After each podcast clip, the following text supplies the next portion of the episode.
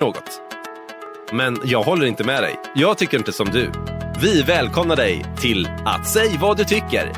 Live varje söndag 20.00. Nu sätter vi stopp för monologen och kör stenhårt på dialogen. Säg vad du tycker. En programpunkt hos Aktörspodden. Hallå Sverige, jag heter Johan Mårtsson och ni är eh, välkomna till ett eh, avsnitt av Aktörspodden Säg vad du tycker. Ja, vi egentligen vanligtvis skulle vi säga magiska Flora här bakom oss, men det är mors dag så vi har inte riktigt hunnit åka in till studion idag. Men vi har fått låna Moderaterna i Lerums studio, så det får vi ändå säga att det är väldigt stort tack till dem. Men jag är inte här själv idag, utan jag har med mig en fantastisk gentleman vid namn Ja, om du menar mig så är det Vincent Nordgren. Och som sagt, vi är ju här i Lerum idag. Och det är ju väldigt passande till dagens avsnitt får vi ändå säga Johan. För då har vi ju fastighetsbyrån i Lerum med oss som representeras av Jimmy Lang. Och varmt välkommen säger vi till Jimmy. Hej, tack så mycket. Tack ska ni ha. Kul att få vara med. Och jag tänker så här, innan vi går in på just fastighetsbyrån och allt det, eh, skulle du bara vilja presentera dig själv först och vem är Jimmy egentligen? Ja, men Jimmy Lang, eh, man kan säga i arbetslivet så är jag kontorschef och eh, fastighetsmäklare på då som sagt fastighetsbyrån här i Lerum. Eh, och eh, blandar de två rollerna, driva kontoret och eh, sälja hus. Eh, privat är jag en eh, tvåbarnspappa bosatt i Floda. Det är inte illa pinkat det, håller på att säga. Men om vi går in lite i yrkeslivet, så någonstans så, så började du jobba, kanske som tidningsbud, vem vet? Var, var började yrkeslivet någonstans? ja, men den började hos pappa. Pappa hade en, en bensinstation och han var ganska före sin egna tid där. Så att han hade både gatukök och eh, livsmedel och godis och filmer och allting. Så att eh, där är jag fostrad och eh, pratar med kunder över disk. Oh, men okej, okay. så du började där och sen när kom du in i mäklarbranschen? Ja, men jag tog några, jag skulle bli världens bästa kock där först. Jag gick på hotell och restaurang där i SM Mosesson och eh, åkte upp eh, och körde det racet. Eh, sen var jag lite i London och fick prova på det där aggressiva matlagningen som de är kända för med flygande kastruller och eh, dåligt humör. Eh, och från där någonstans gick ju luften ur mig så att eh, då eh, då hoppade jag på telekomtåget. Så att eh, där är jag väl egentligen fostrad kan man säga fram tills eh, jag satt och funderade på det när jag hoppade på eh, mäkleriet. Jag var nog en 26 någonting när jag började plugga. Eh, och då flyttade jag hem eh, från Stockholm för att plugga i Borås då, i två år. Så att jag hoppade väl på någonstans, kanske började som ja, 27 år där någonstans. Började mäkla. Häftigt, häftigt. Och jag skulle säga det, jag jobbar ju faktiskt på bensinstation med många av de här grejerna som numera är standard. Kanske med att ha lite snabbmat, att man kör, säljer lite godis och sådana grejer. Det står ju kanske till och med för de större delarna av intäkterna på en dag, eh, om man kollar rent eh, eh så numera. Så det har ju förändrats väldigt. Men jag tänker så här, tillbaks till Lerum igen. Det är ju väldigt roligt och inte minst för oss då. Men hur kommer det sig att från stora London att man landar i lilla Lerum får vi ändå säga? Ja, men Lerum känns ju verkligen hemma för mig. Eh, jag är ju inte eh, born and raised här, men raised skulle jag vilja säga. Jag kom hit när jag var 16, mina kompisar kommer härifrån, så för mig är det verkligen hemmaplan. Eh, jag började faktiskt att praktisera som mäklare i citykärnan och gjorde ett, två år under mäklarstudierna där och praktik. Insåg lite att jag kanske inte är en BR-mäklare i storstan. Eh, utan eh, då gled jag vidare via en i, i skolan då och började köra ett halvår på eh, Körn. Så där sålde jag hus först. Och sen kom öppningen för vi köpte hus i Floda då. Eh, och då kände jag att jag vill, jag vill vara i Floda, jag känner mig hemma där. Så där har jag varit nu, vad är det? Sju, åtta år ungefär har jag varit i Floda. Och med fastighetsbranschen i det här området. Om en mäklare köper hus här, då borde den vara rätt bra. Men jag tänkte så här, vi ska gå in på de viktigaste faktorerna. Just gällande, ehm, eh, gällande hus. Förra veckan så hade vi eh, Villägarnas riksförbund på, för, eh, på besök. Eh, vad är de viktigaste faktorerna när man köper en fastighet som gör att den blir attraktiv för andra köpare? Jag tror ju väldigt mycket på att eh, man ska förmedla en trygghet. Jag pratar ofta om det, eh, att skapa trygghet för köparen. Att eh, man är en stor, stark lokal aktör vet vad man sysslar med och att man är Eh, om man är någon att lita på helt enkelt. Jag tror att det är en viktig faktor. Men sen själva bostaden i sig också, att den är presenterad på rätt sätt. Att man inte hymlar med någonting. Utan har man en fel brist i sin fastighet, men lyft upp den då. Förbesikta, ha ett besiktningsprotokoll så att köparna kommer dit och vet vad de ska förvänta sig när de tittar på bostaden. Eh, har kollat av med bostadsrättsföreningen innan. Vad är det på gång? Vad har ni för eventuella höjningar på gång eller sänkningar av, av hyrorna? Och hur ser det ut just nu med räntor och, och prognoser för det? Så där. Ju mer fakta man har och kan presentera vid bostadsköpet, ju, ju tryggare känns det då, tror jag. Men du öppnade ju upp det lite för det här som en segway, så jag hoppar på den direkt. Det finns ju givetvis flera aktörer. V vad är det som gör då att, att du anser liksom att varför ska kunderna gå till fastighetsbyrån och ingen annan? Ja, men jag tror ju på det. Vi är ju också väldigt stora i Lerum. Vi har ju, om man kollar på Hemnets statistik då, så har vi ungefär 45 procent av marknaden och har varit en stark aktör de senaste ungefär 20 åren kan man säga. Eh, mycket handlar ju om att alla som jobbar hos oss bor själva i Lerums kommun. Eh, och eh, vi älskar och brinner och är väldigt lokalpatrioter. Jag tror att det smittar av sig. Jag känner väl själv att om jag ska köpa en bostad så vill jag träffa någon som kan området, som, som vet vad de säljer och, och även kan sälja in liksom, förskolor och, och mataffärer och restauranger och, och, och näringsliv och, och, allt det där som kan presentera helheten. Det, det, det gör mig trygg, eller hade gjort mig trygg. Då. Och eh, har vi fått en tittarfråga från Sebastian Rundberg här också och som frågar, ska en mäklare vara opartisk till både säljare och köpare?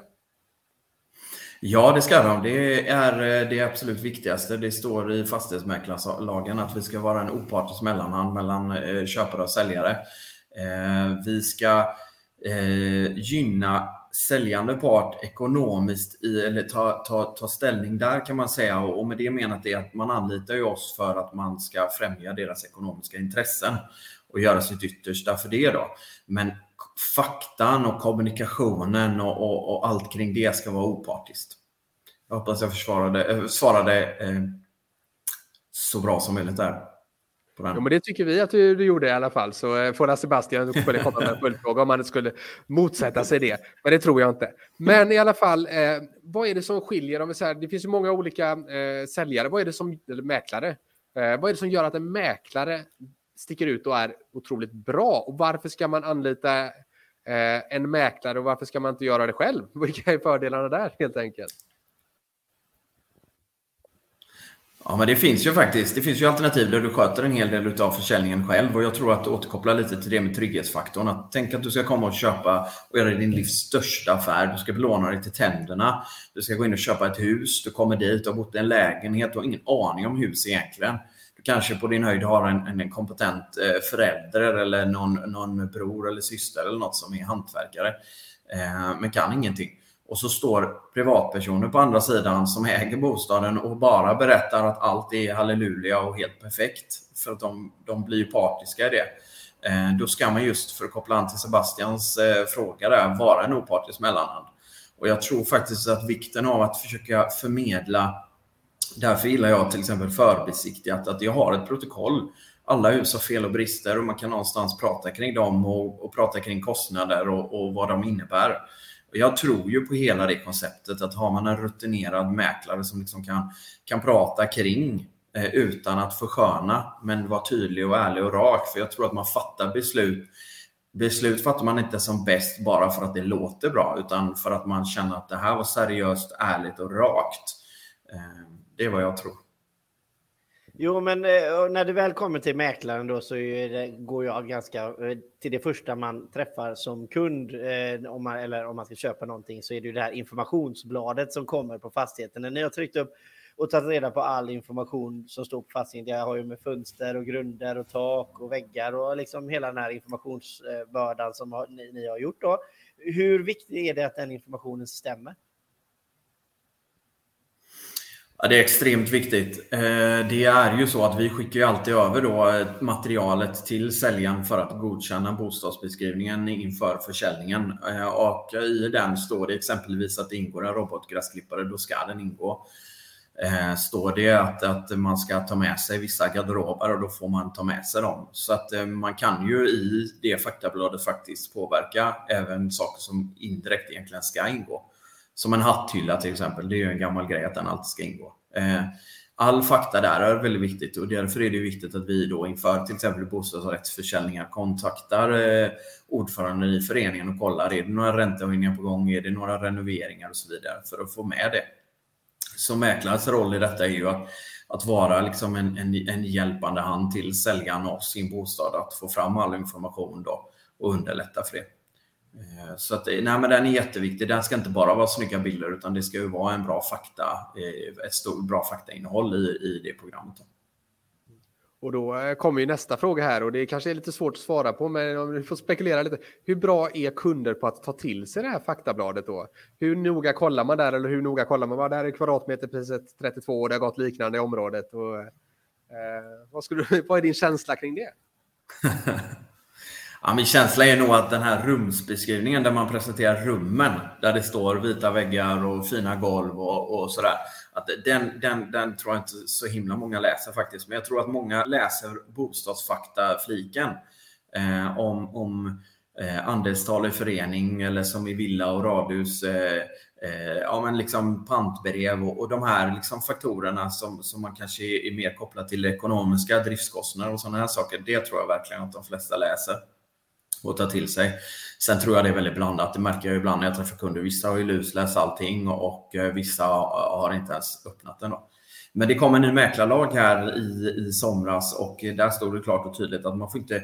Vi, vi hade ett tag där vi skickade ut digitala eh, prospekt till, eh, till kunderna och eh, det får man inte utan man ska, man ska få det fysiskt. Eh, och sen, sen när det sker, man ska i alla fall få det vid en kontraktskrivning till exempel, då, en, en fysisk i handen. Då. Eh, så det, det, det, och det visar ju att den är viktig, att man verkligen ska ta till sig. Nu ska jag fråga dig antagligen den svåraste frågan en mäklare kan få. Det handlar precis om det som du tog upp just nu och det handlar om driftkostnader. Och eh, man vet ja. inte, och det, eftersom i, i papperna så står det att, att det finns en driftkostnad på 40 000 och så elkostnaden är eh, 15 000 säger vi. Liksom. Men det beror ju på liksom hur många i, som bor i fastigheten. Alltså det går ju inte att någonstans liksom bevisa driftkostnaden. Utan, och, då, och då kommer min fråga till dig. Alltså hur, hur ska man som köpare titta på driftkostnaden? Ska man räkna mycket högre än driftkostnaden som står eller ska man räkna med den driftkostnad som står? Vad, vad tycker du där? Ja, det var en superbra fråga. Eh, för den har varit jätteutmanande nu sedan elpriserna kom och bara lamslog Sverige här i, i, i december. Och det har varit sjukt svårt. Och, Eh, Eh, jag ska inte kasta någon under broarna, men jag, jag är osäker på att alla har jobbat exakt likadant där, vilket gör att ibland kan vissa driftskostnader se bra ut och vissa ser väldigt dyrt ut, eller vissa hus. Då. Eh, och eh, det vi har fått till oss, eller så som man ska jobba, är att man ska ju presentera eh, så gott det går ett år tillbaka. Eh, och då blev ju elpriserna nu skyhöga om du hade rörligt pris. Vad vi gjorde då var att vi tog fram även kilowattimmar och det var egentligen inget nytt, men man har inte lyft in det tidigare utan, eh, utan det har varit liksom, man har bara skrivit pengar eh, per år och nu la vi in kilowattpriset för att man själv ska kunna räkna på vad, vad blir det eh, med ett speciellt avtal och sådär. Så att, ja, det kan vara väldigt missvisande. Ibland har man ett dödsbo som man säljer för och eh, och de som är på boet har ingen aning om och det finns knappt någon räkning och sådär. Så, så det, det, det, är klart att då, då är det svettigt att få fram exakta uppgifter. Eh, sen ibland, vi försöker skriva antal personer. Det kan vara en person som har bott i ett hus från eh, 1970 i, i 30 år. Det är klart att siffrorna ser ju väldigt bra ut om man inte har på så mycket värme. Så man ska försöka ändå. Men, eh, men jag tror att folk, jag tror att de flesta ska använda den mäklaren som finns mycket mer. Alltså försöka och liksom prata med mäklaren kring det och, och liksom, Ibland känns det som att man blir en skyltdocka, men man vill ju vara med. Man vill ju hjälpa till. Det är därför vi jobbar med detta. Så ställ mer frågor än vad man gör, skulle jag vilja säga, på, på visningar och även i telefon efteråt. Och då har vi fått en följdfråga från Sebastian då, och det är nog kopplat lite till den frågan vi hade tidigare om en eh, mäklare ska vara opartisk till både säljare och köpare. Och då är frågan, om en mäklare får provision på försäljningsvärdet, hur balanserar man det ekonomiska incitamentet med att vara opartisk? Eh, försöker tolka denna frågan rätt nu Sebastian. Eh, jag tror inte att det har så mycket med det opartiska att göra utan det är ett sätt att bli betald. Och eh, som jag sa tidigare där så är ju säljaren vår uppdragsgivare och eh, han eller hon anlitar ju oss eh, för att, eh, att eh, förmedla deras bostad och då är det de som betalar för det. Eh, och eh, i det så får vi uppdraget och då eh, tar ju vi en provision helt enkelt. Det är precis som en, en advokat som tar eh, timarvode från sin klient. Eh, så att vi ska ju främja säljaren utifrån att, att sälja deras bostad till, till ett så högt pris som möjligt. Men själva kommunikationen däremellan, om vi vet att det ligger en crossbana runt hörnet men den som kommer och köper inte kan se den crossbanan, då ska vi försöka upplysa om det. Att det kan bli bullrigt här, exempelvis. Så, eh, så försöker vi jobba i alla fall. Och nu ska vi prata om någonting som också har direkt, ja, eller direkt påverkan säger jag, men indirekt påverkan blir det ju. Och det är ju räntorna. Eh, I och med den höga inflationen så har centralbanken försökt eh, dämpa den genom att man har höjt styrräntan, vilket leder till ökade räntor. Eh, ser att eh, det finns en eh, treårsränta idag på ungefär eh, 3 procent. Eh, vad finns det för fördelar och nackdelar med att binda räntan just nu? Just den frågan kan jag få, och den kan jag få från många. Eh, jag brukar säga att just binda räntor och sådana dialoger kring det, det är, en, det är en privat fråga utifrån att man själv ska kolla över sin egen ekonomi. Och där vågar inte jag ge, säga om man ska göra det eller inte, utan eh, det är helt och hållet ut till hur, hur stressad är din, eh, hur pressad är din ekonomi och, och hur klarar du av eh, eventuella upp och nedgångar på bostadsmarknaden. Så att jag skulle säga att där ska man nog själv sätta sig och göra sin kalkyl utifrån det faktiskt. Och, jag kan bara ta del av ungefär samma information som alla har och det är väl att Yngves flaggar för att det ska komma fler höjningar Eh, framöver. Så jag tror att det, det, är viktigt att se över hur, hur ser min ekonomi ut och hur klarar jag och min bostad eh, om det, inte, om det blir 4% 5% är det bättre då att binda vid 3 Så att, eh, det, tror jag, det vill jag nog lämna till den enskilda att ta med sin, sin bankkontakt faktiskt. Men om vi då ser det till att det, det, räntan ökar så betyder ju det egentligen i slutändan ponerar jag här nu, jag är ingen forskare, men jag säger i alla fall att det kommer bli så att du har mindre potentiella köpare om räntan går upp för att eh, det finns mindre människor som har råd kanske med eh, en dyr villa, eh, eller, eller dyr och dyr, allt är ju relativt. Men hur, hur, påverkar räntorna, alltså antalet, hur mycket, hur ni måste, hur ni jobbar, hur mycket ni måste jobba för att få sälja ett objekt? Ja, men så är det. Vi har haft, eh, vi har haft eh, två gyllene år här med corona. Det har varit eh, lite som att sitta i en, lite skämt åsido, men sitta på ICA och i en, i en kassa. Alltså det har varit, man går på en visning och så öppnar man dörren. Eh, och, så, och så kommer det massa folk och så blir det budgivning. Lite, lite överdrift. Men, men nu, eh, nu krävs det mycket mer engagemang och eh, där tror jag också på en skillnad mellan erfarna mäklare som har varit med och jobbat på olika marknader kontra om man inte är så erfaren. Eh, och eh, jag tror att i det så handlar det nu om att vi börjar märka att vi visar vissa bostäder eh, flera gånger. Och det är vi vana vid från tidigare marknader innan corona. En bostad kanske läggs ut på Hemnet en, om man har visningen på söndagen och sen blir det kanske en tre, fyra visningar till innan rätt köpare dyker upp. Eh, jag tror att det är ännu viktigare att vi försöker hitta rätt prissättningar på bostaden eh, och ännu mer att jobba med rätt information, att ännu mer kunna presentera omgivningen kring bostaden och, och hela, hela bilden av att inte bara köpa ett hus utan köpa även en plats att bo på. Men då tänker jag lite sådär att om nu priserna stagnerar eller går ner, eh, alternativt för att räntorna går upp och eh, man har inte lika mycket köpare, det betyder ju att priserna kanske går ner. Men säljaren kanske har en bild av att nu har marknaden varit stekhet i två år och jag förväntar mig att jag ska, jag ska få eh, rekordpris på gatan här, för det vill ju alla ha givetvis ha när man säljer, det förstår hur jobbar du som säljare då med att göra så att den som ska sälja har rimliga krav på försäljningsvärdet så att säga? Hur mycket jobbar ni med det? Ja, men det är alltid den utmaningen som blir att när man går ifrån en marknad som har varit här nu i, i corona där vi har haft enormt höga priser till att vi helt plötsligt hamnar i ett läge nu där vi där vi inte får ut de pengarna, då blir det precis det som händer nu, som har hänt här i två månader ungefär, att, att vi, har, eh, vi har eh, långa försäljningscyklar för att säljaren har sin tanke här och köparen är här nere i sin, eh, sin prisbild. Eh, och då blir det alltid initialt några månader där det blir lite extra svettigt kan man säga. Eh, så att där tror jag att, eh, att man ska, eller man, vi pratar mycket om det, att va, sätta rätt förväntningar eh, och eh, försöka liksom hitta en nivå och prata om det tydligt så att man sätter rätt förväntningar hos säljaren. Liksom att, eh, jag förstår att din granne fick de här pengarna, men vi, vi bara backar bandet. Det var corona, det var en enorm hets. Eh, priserna har ju inte gått ner, men de kanske inte går upp lika mycket för att vi någonstans publicerar ju din bostad där det har tryckts upp.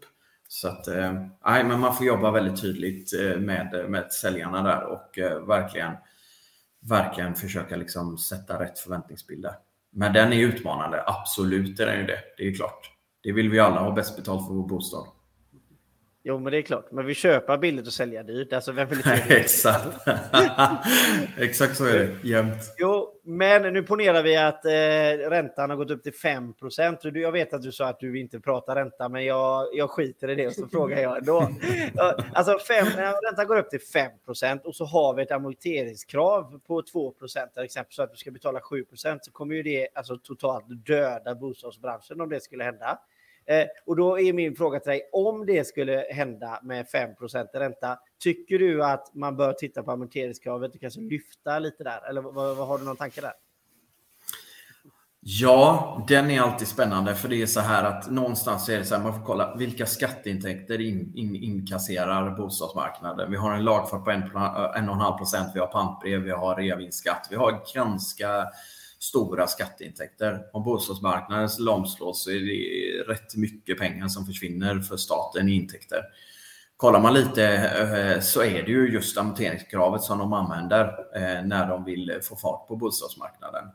Ehm, jag vågar inte säga om han har tagit bort det eller inte om vi får 5 så ingen nu sitter och bara oj vad gött för då, då kan jag ju köra på här nu. Så att, nej, jag, jag vågar inte yttra mig om det. Men jag, jag, man ser väldigt tydligt att om det blir en tuffare marknad så, så, brukar, så brukar staten i alla fall gå in. Sen, sen har vi ju ett dilemma och det är ju inflationen och det är ju det som är hela. Det är ju, kärnfrågan just nu. Det handlar ju om att, att, att vad heter det, det kan ju ni bättre än de här termerna än vad jag kan, men just att man ska försöka liksom få ner inflationen så att, eh, att köpkraften minskar hos svenskarna och eh, då är det ju det. Vi måste ju få ner plånböckerna och det gör man ju med räntan helt enkelt. Eh, lägga locket på det. Och jag tänkte, vi, vi pratade lite kring prissättning och så och det finns ju rätt, ska man säga, att bostadsmarknaden skulle vara ett nollsummespel om man äger bara en bostad. För man måste ju ha någon bostad att bo i. Och samtidigt så att säljer du din bostad nu till ett högt pris så kommer ju troligtvis marknaden vara lika het när du köper någonting. För det skiljer ju oftast inte så mycket tidsram från det, förutsatt att objekten är ungefär lika stora. Vad skulle du säga om något sådant påstående? Eh, ställ den frågan en gång till, ska jag bara hänga med på hur du menar nu. Ja, att bostadsmarknaden är lite av ett nollsummespel egentligen för den som har en bostad i och med att när den köper en, säljer sin bostad så måste du ändå ha någonstans bo förutsatt att det, mm. och förutsatt då att bostäderna är ungefär lika stora så kommer det ju, gör man en väldigt bra affär från vad man har, eh, vad man har köpt sin lägenhet på, vad man har sålt den på och sedan köper man en eh, ny bostad i samma heta marknad så mm. har man ju fått ungefär samma objekt för samma pengar, även om man gjort en väldigt bra affär på den första. Så måste man ju köpa en ny mm. för att ha någonstans att bo. Mm. Ja, men det är det som har varit utmaningen nu. Du får, får fråga igen här om jag inte svarar rätt nu. Men äh, så, och någonstans så är det det som har varit utmaningen nu. Att vi har haft kunder som har köpt nya bostäder eh, och så sitter de med sina villor och så har de trott att de ska få jättebra betalt för dem. Eh, och i det så, så har det varit tufft och vi har haft lite folk nu som haft det svettigt. Att man, man har haft en hög förväntan på sin, sin nuvarande bostad. Eh, köper en ny bostad och eh, hamnar då i ett litet jobbigt läge för att eh, den tidigare villan inte, eller eh, lägenheten inte blir såld. Då. Eh, vi har haft den här bostadskarriären som det kallas, att man, man hela tiden i, i våra generationer har man alltid varit med om att bostaden har gått som en raket uppåt i värde och det här blir spännande lite nu utifrån den aspekten att, att se lite hur, hur, hur vår generation ska hantera detta lite. För det här blir ju en utmaning nu att man, man, man, har ju, man är ju väldigt belånade eh, generellt sett. Och tar vi våra föräldrar ännu en generation upp så har de ju ingenting i lån. Eh, de, har, de är ju vana på ett annat sätt att kunna hantera sådana här upp och nedgångar. Eh, jag hoppas jag förstod frågan rätt där. Jajamän. Och då hoppar vi in i någonting som är fruktansvärt intresserat. Eh, intressant då, eh, tycker jag. Idag. Givetvis, det har ju med renoveringar att göra. Och eh, när man väl ska sälja sin fastighet och man går i tanken att men jag ska sälja min villa. Vi tar villa nu, bara för att det har mer saker att göra i en villa. Eh, och då eh, finns det någonting som man kan säga är värt att renovera. För många gånger så är det kanske inte värt att göra någonting överhuvudtaget i sin fastighet för att man ska sälja den. Eller skall man göra badrum? Skall man göra kök? Finns det något skall eller vad tycker du där? Ja, men det här är en väldigt vanlig fråga och det får vi ofta, oftast när vi träffar kanske då säljare i ett tidigt skede, eller eh, ett halvår, ett år eller två år innan de ska sälja. Vad ska vi göra? Och så går man runt och tittar på bostaden. Och, eh, tidigare har man alltid sagt att nej, släpp det, alla vill sätta sin egna prägel. Men nu är det ju snordyrt att renovera och priserna har ökat jättemycket. Så att, eh, den är svår att svara på. Sen finns det ju alltid den här aspekten att du vill ju ofta ha din karaktär på badrummet och du vill ha din karaktär. Speciellt köken är ju heliga för folk. Där vill man ju alltid renovera och, och göra sitt. Eh, så att jag skulle säga så här att om man utgår från en bostad som är ett renoveringsobjekt, det är allt att göra, då ska man inte göra någonting. För då spelar det ingen roll om du har, eh, har nytt och fräscht. Sen större grejer kanske, dränering och tak det är sånt som du inte behöver sätta just din prägel på, äh, prägel på och därför så kan det vara väldigt bra. Eller ett uppvärmningssystem, typ bergvärme eller liknande. Eh, så där kan man ju investera för att självklart höja värdet på sin bostad. Eh, vi ser ju, tycker jag, lite tecken nu på att bostäder som är väl omhändertagna, renoverade. Eh, bostäder som är topprenoverade går ju otroligt bra just nu eh, fortsatt. Eh, medans objekt som kanske inte är så renoverade eh, eller ännu mer då renoveringsobjekt, de har det kämpigt. Så kan man säga. Det är väl den generella bilden tycker jag av bostadsmarknaden just nu. Eh, så att, eh, jag skulle säga så här att den dialogen ska du ta med den mäklaren du anlitar för att se lite. Om du, har, om du har renoverat det mesta i huset och så är det badrummet kvar, då kan det vara en fördel att göra ett badrum. Eh, men har du ganska mycket renovering på bostaden eh, eh, så, så, så tycker jag att man nog ska avvakta faktiskt. För att de flesta vill i så fall sätta sin prägel på bostaden. Och jag tänker så här, en annan sak som har varit mycket på tapeten i bostadsmarknaden är ju nyproduktionen. Och nu med de högre räntenivåerna, hur ser det ut på den marknaden? Är den lika het som den varit tidigare? Att man eh, köper upp nyproduktionen och förväntar sig göra en slant på det? Eller är, hur ser marknaden ut för nyproduktion i dagsläget? Ja, men där har vi nog den eh, marknaden som kommer få det tuffast faktiskt. Och det är nyproduktionen. De får det ofta tufft när det blir sådana här typer av scenarier. Jag menar, tänk vad utmanande de är just nu med höga ränt höjda räntor och, eh, och eh, man har materialpriser och man får inte tag i saker. Vi har ju med byggare på stora projekt Eh, då är det liksom, då får man köpa en mikro, man, eller förlåt, de byggarna får liksom ringa eh, Electrolux och så får de eh, köpa en mikro i taget. Förr kunde de bara ringa och säga att vi vill ha 50 mikros nästa vecka och nu får man bunkra och sådär. Och vi märker också på en del projekt att de har tyvärr varit tvungna att höja mellan då att man har skrivit avtal till inflytt för att det har ökat så himla mycket i priser då på byggnationen. Och det har vi inte varit med om tidigare att man höjer priserna på själva nyproduktionsprojektet. Så jag skulle nog säga att där, där är det lite tuffare faktiskt. Det är just nyproduktionen.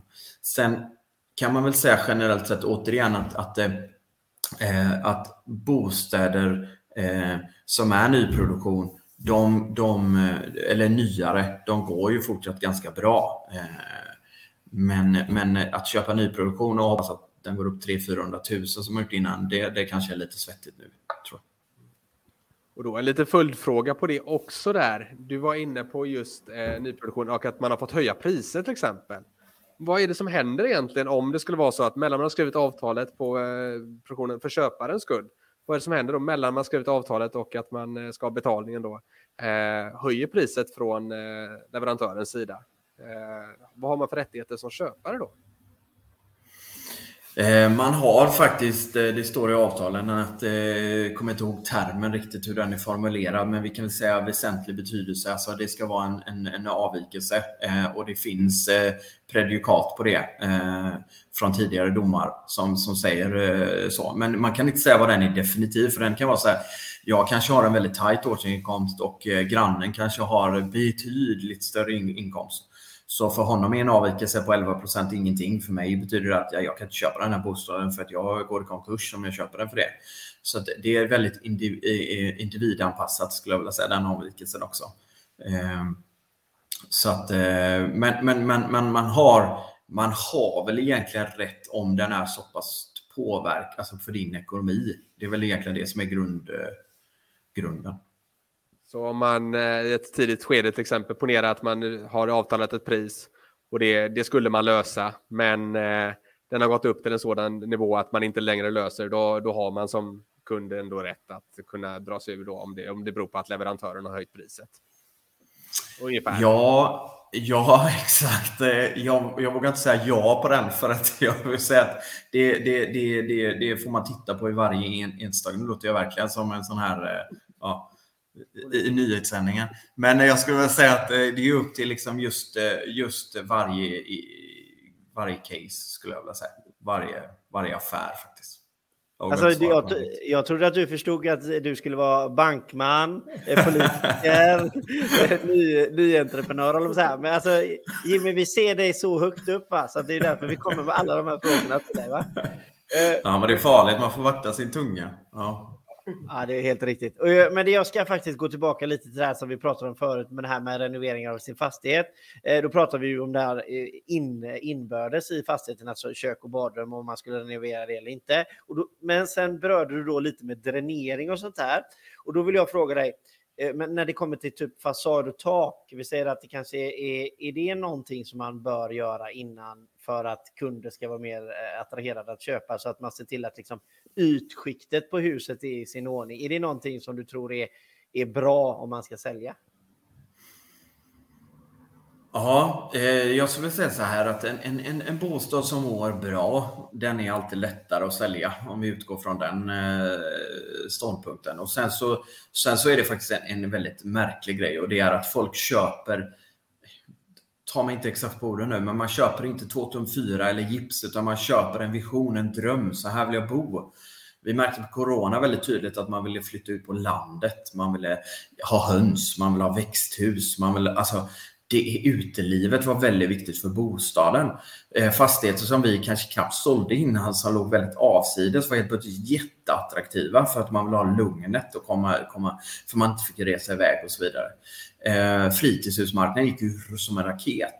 Eh, så det är väldigt mycket också hur du presenterar din bostad och vad känsla jag får. Luktar det gott? Är det fräscht? Eh, i bostaden när du kommer dit. Så det är också en kombination för du köper faktiskt bostaden mycket mer än man tror med sinnen. Så det är därför exempelvis folk frågar oss om styling, är det viktigt eller inte? Um, och, och, det är klart att har du en, en modemedveten touch och, och, och, har lite minimalistiskt hemma så, så klart att då går det hem. För att folk kan lättare möblera och styla och, och liksom tänka de bitarna eh, när, de, när det är lite avskalat. Men är det övermöblerat Eh, och, och, och, lite, lite ruffigt hemma, då är det klart att då är det bra liksom, att fräscha upp, ljusa upp och, och ta dit stylister som kan lägga mattor och, och, och, liksom komplettera för att man, man liksom köper med sinnena. Och, och, det är klart att för att återkoppla till det du säger då att är det ett nytt och fräscht tak och fasad och första intrycket är alltid, det kollar jag alltid när jag kommer till ett hus första, liksom det, vad får jag för känsla när jag kör in på uppfarten? För den kommer jag inte få igen. Så varje gång jag kommer hem till någon första gången så försöker jag köra lite, lite långsamt in liksom, för att få den här, vad får jag för känsla nu? Och det försöker jag ta med mig i mitt samtal. Att lägg lite grus, gör ordning rabatterna, fräscha upp, klipp gräset. Liksom. Här ser jag plasttaket vid entrén är smutsigt. Ja, men byt det. Det kostar inga stora pengar. Ja, med, med det sagt så är du inte välkommen hem till mig nu då. Det är här i alla fall. Men jag gillar dig ändå. men, i alla fall om vi ska fortsätta med eh, det här, det är lite spekulativa då så att säga. Så nu har ju husen varit stekheta. Radhusen har ju också varit väldigt eh, bra med, med tanke på det som du pratar om, en liten gräsmatta, att folk vill komma ut. Eh, bostads eh, BRF-erna, lägenheterna, det är inte så att de har varit dåliga. De har ju varit väldigt attraktiva de med, men kanske inte i samma utsträckning. Tror du att det kommer bli en förändring nu när räntan till exempel kanske går Kommer det bli så att eh, husen kommer falla lite och lägenheter kommer bli, bli mer attraktiva igen? Eller vad tror du? Ja, det är faktiskt en väldigt bra eh, fråga. Eh, vi märker lite, nu får jag generalisera igen då, men vi, vi märker lite om jag kollar, för jag, jag träffar även mina kollegor som har kontoren runt om i Storgöteborg. Eh, och jag, jag, tycker ändå att du märker att, att lägenheter har haft det lite kämpigare. Eh, och då är det inte alla lägenheter, utan det är väldigt baserat på vad det är för typ av lägenhet, hur stora de är och sådär. Ehm, så att vi, vi märker väl eh, på en del lägenheter också att prisbilden har varit lite, lite, lite märklig skulle jag vilja säga. För vissa lägenheter går fortsatt också väldigt bra, vissa lägenheter går inte lika bra. Men jag tror att det återigen har med vem köper bostaden. Det är samma sak som att vi märker till exempel att först kollar de på ett hus i Partille kommun och sen så, och sen så får de, har de inte råd i Partille så kommer de till Lerum och så har man inte råd i Lerum kanske så hamnar man i Alingsås liksom, och så hamnar man i Vårgårda. Sådär. Det är väl lite samma sak då för att köra an till det. Att har du inte råd med villan som du kanske vill ha, men då kan du gå ner liksom och tänka ett radhus istället. Och har du tänkt på ett radhus så kanske du hamnar nu då på en, på en lägenhet då, när det blir dyrare. För nu blir det ju dyrare att leva och bo. Liksom. Och jag kan säga som så här, vi kör en generell disclaimer här att vi har, försöker att eh, hålla det via en dialog då så att eh, då får man vara så att man eh, är kanske inte helt på den punkten när definitionen får vara lite spekulativ också. Så det tycker jag vi ändå får ge oss själva att vi får ha en dialog så att vi kan ha den så öppen som möjligt. Men då kommer ju en sån här god fråga också. Och det är ju gällande olika, vi pratade mycket om att tryggheten är någonting som man värdesätter väldigt mycket. Och hur ser det egentligen ut mellan olika områden? Jag tänker till exempel om vi har eh, utsatta områden till exempel. Vi har en del områden som ligger längre bort från stan, nära stan. Vilka är de här generella faktorerna som är, du skulle säga är värdeskapande för, eh, för köparen?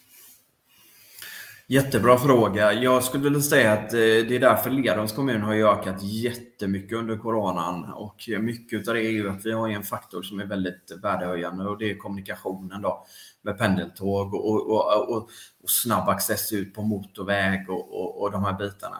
Eh, sen tycker jag natur har ökat jättemycket de senare åren. Att närhet till sjöar och promenadstråk och, och lugnet. Så att man vill ha nog en mix tror jag generellt mellan mellan att eh, kunna komma snabbt till jobbet eller snabbt in till stan till att bara kunna ta hunden eller, eller gå ut på en liksom, promenad eller ett löptur ut då i naturen.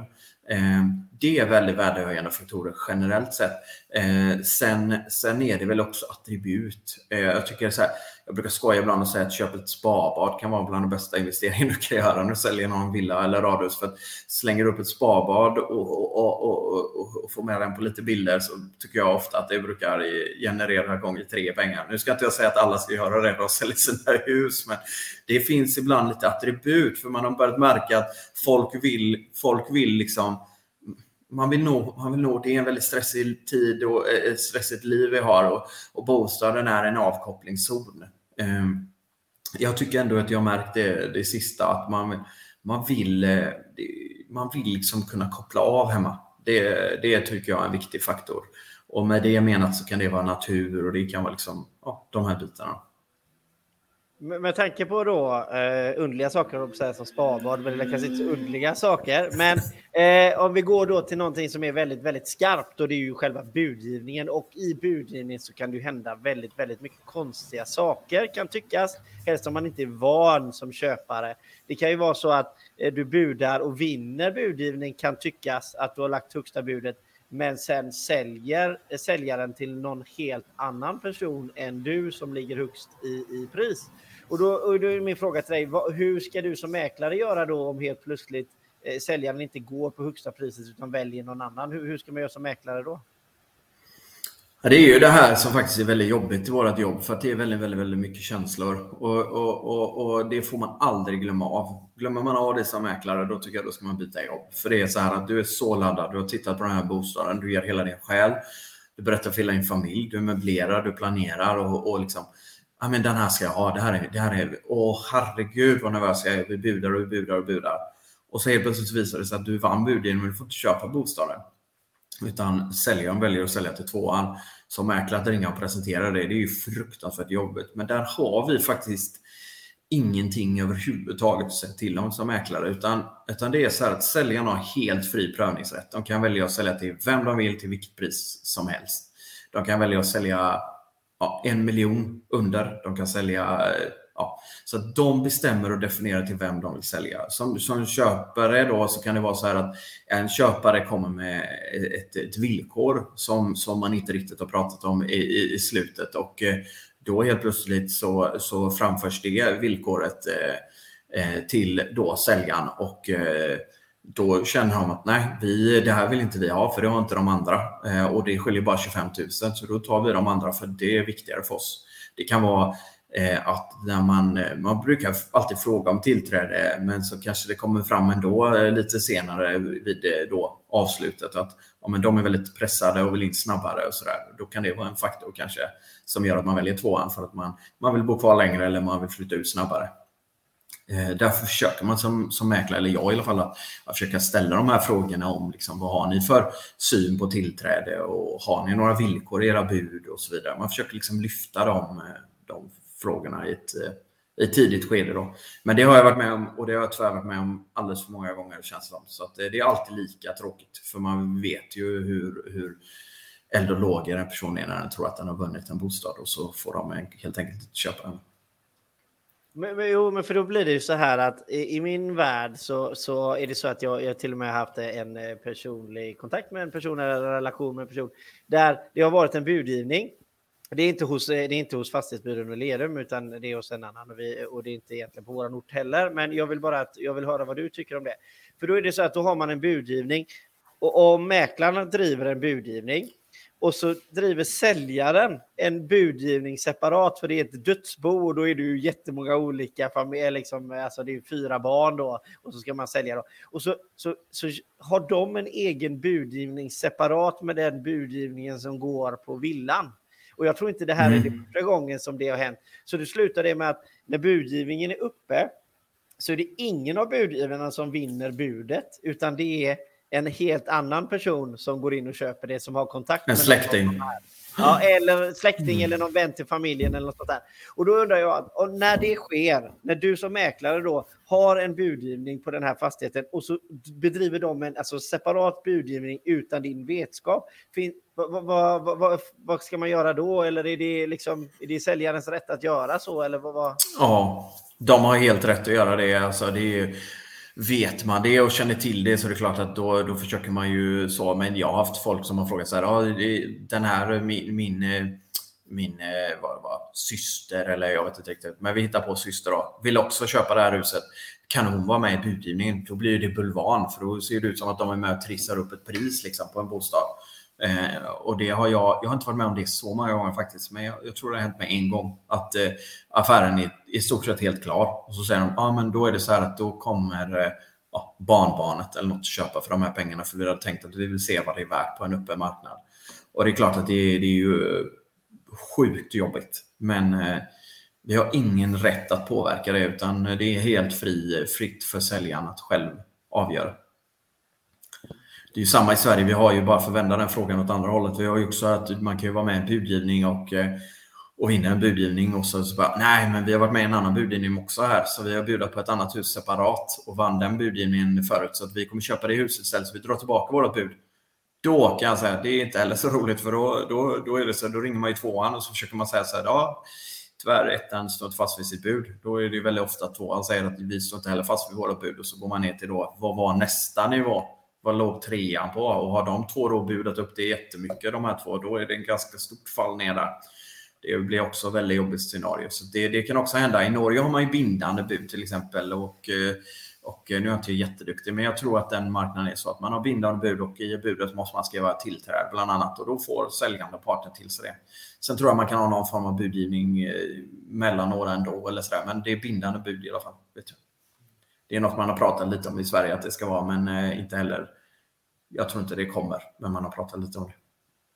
Och då kommer ju två frågor här direkt. Den första då, i det scenariet som Johan beskrev, får ändå mäklaren sitt arvode ändå, för den lägger ner väldigt mycket tid. Det är ju en sådan mm. första fråga. Och sen så andra frågan, det är ju någonting som varit uppe väldigt mycket i tidningarna nu, senaste artiklar i alla fall, som man har kunnat läsa sig till att lockpriser är någonting som man har uppdagat nu på senaste. Ehm, är, är, det är det mer problem med det nu än tidigare och vilka problem blir det när man sätter ett lockpris? Mm. Svar på fråga ett är att eh, om, om, om, eh, om mäklaren har ett förmedlingsuppdrag, det ska vi alltid ha, så det måste man ju ha. Eh, då står det att vi har ensamrätt i tre månader att försälja fastigheten och då står det i avtalet vilken provision vi har. Och väljer då säljaren att sälja till vem som helst eh, under den perioden separat eh, utanför vår vetskap, då har vi rätt till provision under den. Eh, då. Så att ensamrätt har vi alltid i tre månader. Eh, sen finns det lite andra definitioner efter det. För det är så här att exempelvis om jag säljer en villa och så, och så efter tre månader så om någon anledning så byter man mäklare exempelvis. Då ska vi lämna över vilka har vi visat bostaden för på en spekulantlista och då ska mäklarna göra upp om provisionen sinsemellan utan att säljaren ska drabbas. För då är det min anvisade kund som jag haft på mina visningar som går och köper bostaden av dig och så vidare. Så, att, eh, så finns det. Det finns ett väldigt starkt skyddsnät kring det. Eh, sen eh, eh, fråga två eh, om lockpriser. Det är den eviga mäklarfrågan som man får eh, rätt så ofta. Och det är så här med lockpriser att lockpris är väl, jag vet inte om det är exakta definitionen, men om du lägger ut en bostad under vad marknadsvärdet är så är det ett lockpris. Eh, det vill säga att lägger du ut den till ett pris som exempelvis grannen sålde sin bostad för 4 700 så vi lägger ut den för 4 7 eh, och så går den upp till 5,5 miljoner. Eh, då är det svårt att hävda att det är ett lockpris för grannen sålde för 4 7 eh, men helt plötsligt var marknaden på 5 och 5. Är ni med på tankesättet där? Eh, så att så länge du kan, kan visa på som mäklare att ditt utgångspris var i nivå med vad de övriga bostäderna har gått för. Däremot om grannen har 4 och 7 och så lägger man ut bostaden för 4 miljoner och så går den för 6 miljoner. Eh, då är det klart att då har man inte gjort sitt jobb riktigt rätt. Då. Sen är det så här att vi är också mänskliga så vi försöker utifrån statistik och status på bostaden och, och sådär. Och det är självklart, det är ju vårt jobb liksom. Så vi ska ju kunna det här. Eh, och ibland så ligger man 300 eh, för lågt och ibland ligger man 300 för högt också. Det finns ju bostäder vi har värderat för högt ibland så man bara, varför budar ingen på det här huset? Det är ju helt magiskt. Eh, och då ligger man för högt. Alla hus säljs ju till slut fast för ett annat pris, men man, man är ju så här, det här är ett jättebra hus, men köparna kanske inte tyckte det samma. Och på samma sätt då så är det så att man har ett hus, man tänker att folk kommer tycka att det är för mycket att göra på det här huset så att vi behöver gå ut i den här häraden. Och sen så kommer de och så visar det sig att men just eh, det här med eh, att det är fem minuter till sjön eh, som ligger bakom hörnet, det var värt så mycket för folk. Så att huset bara exploderar en budgivning. Men, men det är väl egentligen grundprincipen att ett lockpris är det inte om du går ut för ungefär vad bostäderna i området har gått för, om du kan visa på det i statistiken. Men går det ut betydande mycket lägre än vad alla andra har fått i området. Sen märkte vi corona och det är ju nog därför lockpriserna ökade så himla mycket. Att jag vet ju en bostad jag sålde, den gick ju för, jag kommer inte ihåg exakt nu, men den gick för 5 och 3 kanske. Så la jag ut grannens bostad fyra månader senare och den gick för 5 och 8. Exakt samma byggda, lite olika materialval, men de var identiska. Nyproduktion då, sedan några år tillbaka. Och det var helt sjukt. Det som hände under Corona var ju alltså från att när Corona kom till exempel så var det under två månader hände ingenting. Det gick inte att sälja bostäder. Det var helt stiltje. Vi reade bort allt. Vi visste inte var vi var på väg. Och sen bara pang! Så man la ut en bostad. Man hann ju knappt med att sätta priserna för att det var sånt tryck så allt gick ju upp då. Och det var därför jag tror lopppriserna stack med. Ja, Ja, precis. Ja, nu håller väl larmet på att börja komma igång här, så vi, eh, det är därför det kommer, hoppas att det börjar tjuta snart. Men vi, innan larmet kommer igång, hoppas att det inte gör det i fastigheten, så, så är läget på fastigheten är ju någonting som man har pratat om väldigt mycket. Läge, läge, läge, läge. Och det är det som är det intressanta. Vad är, är det så? Är läget så fruktansvärt mycket för fastighetens värde? Ja, det är det faktiskt. Läge, läge, läge. Det är alltid så. Det, det kommer det alltid vara tror jag. Har du en sjöglimt eller har du en eh, vacker natur intill dig eller sådär. Det, det är jätteavgörande. Eh, så att eh, läge är ju och kommer alltid vara otroligt viktigt. sen har vi fått in en fråga här. Vad händer när en företag är med i en privat budgivning? Hur är det med att företag är med i privat budgivning? Det är, det är hur är det med att företag är med i privat budgivning. Det är, ser jag inga frågetecken på egentligen. Det, det händer väl då och då tomter till exempel, för att ta som exempel att eh, byggarföretag är med och bjuder på en tomt. Eh, eh, för, om, man, om, om jag bara tänker spä vidare på den lite så brukar det vara till exempel bostadsrätter. Eh, Där får ju företag ofta inte köpa. Man får ju inte som juridisk person vara medlem i en bostadsrättsförening. Det är extremt ovanligt. Där är det väl jättefel. Så att där ska ju mäklaren ha koll på det. Där får ju inte företag, för de kommer inte ens få köpa, de kommer inte få bli medlemmar i föreningen då exempelvis. Men på en, en, en fristående villa eller friköpt eh, fastighet så, så, så får företag vara med precis som, som, eh, som privatperson. Och vi har ju fantastiskt med en otroligt härlig sändning och som sagt, vi avslutar ju alltid sändningen med att fråga eh, att ordet är fritt. Jimmy. Är det någonting du skulle vilja tillägga här nu som du känner att vi inte har tagit upp? Nej, men jag tycker nog, jag brukar alltid säga det faktiskt, att, eh, att jag tycker att eh, tänk igenom er ekonomi och eh, använd oss mäklare eh, mycket mer än vad ni gör. Eh, Fråga, ställ frågor och, och eh, bolla gärna med oss. Eh, och vi, vi, vi, vi, eh, även om man inte vill köpa en villa, ibland när man ringer så säger nej tack och så lägger man på luren. Alltså, stanna gärna kvar i telefonen någon minut extra och, och, berätta vad är det du har? Vad har du för dröm? Vad har du för bostadsdröm? Låt oss vara med där. Mycket av de fastighetsaffärer som sker på marknaden fortsatt är ju eh, underhandsförsäljningar som det kallas, det vill säga att de kommer ut då på exempelvis Booli eller på våra hemsidor och sådär och, och presenteras som kommande bostäder och att de utifrån det då eh, får ett bra bud och så säljs den. Och, och, i det så kan det vara så ibland att är man på, på tårna där och presenterat så kanske vi har en, en del hus som, som är på gång ut. Eh, så. Och Det här är väldigt olika. Vissa säljare prioriterar ju en snabb affär och, och smidigt, exempelvis dödsbo. Man vill bara sälja för det kostar och det står där och sådär. Och vissa vill ju ut på en öppen marknad och, och se vad det kan innebära. Så, där. så att, eh, det, det vill jag skicka med att, att, att vår, använd gärna mäklarna på orten där ni söker bostad att, att eh, presentera vad ni söker. Kanon. Tack så jättemycket Jimmy och tack till alla som har tittat. Vi ses ju igen nästa vecka, samma tid. Så klockan 20.00 nästa söndag så synes vi. Ha en så jättetrevlig vecka. Ha det gott. Hej! Hej!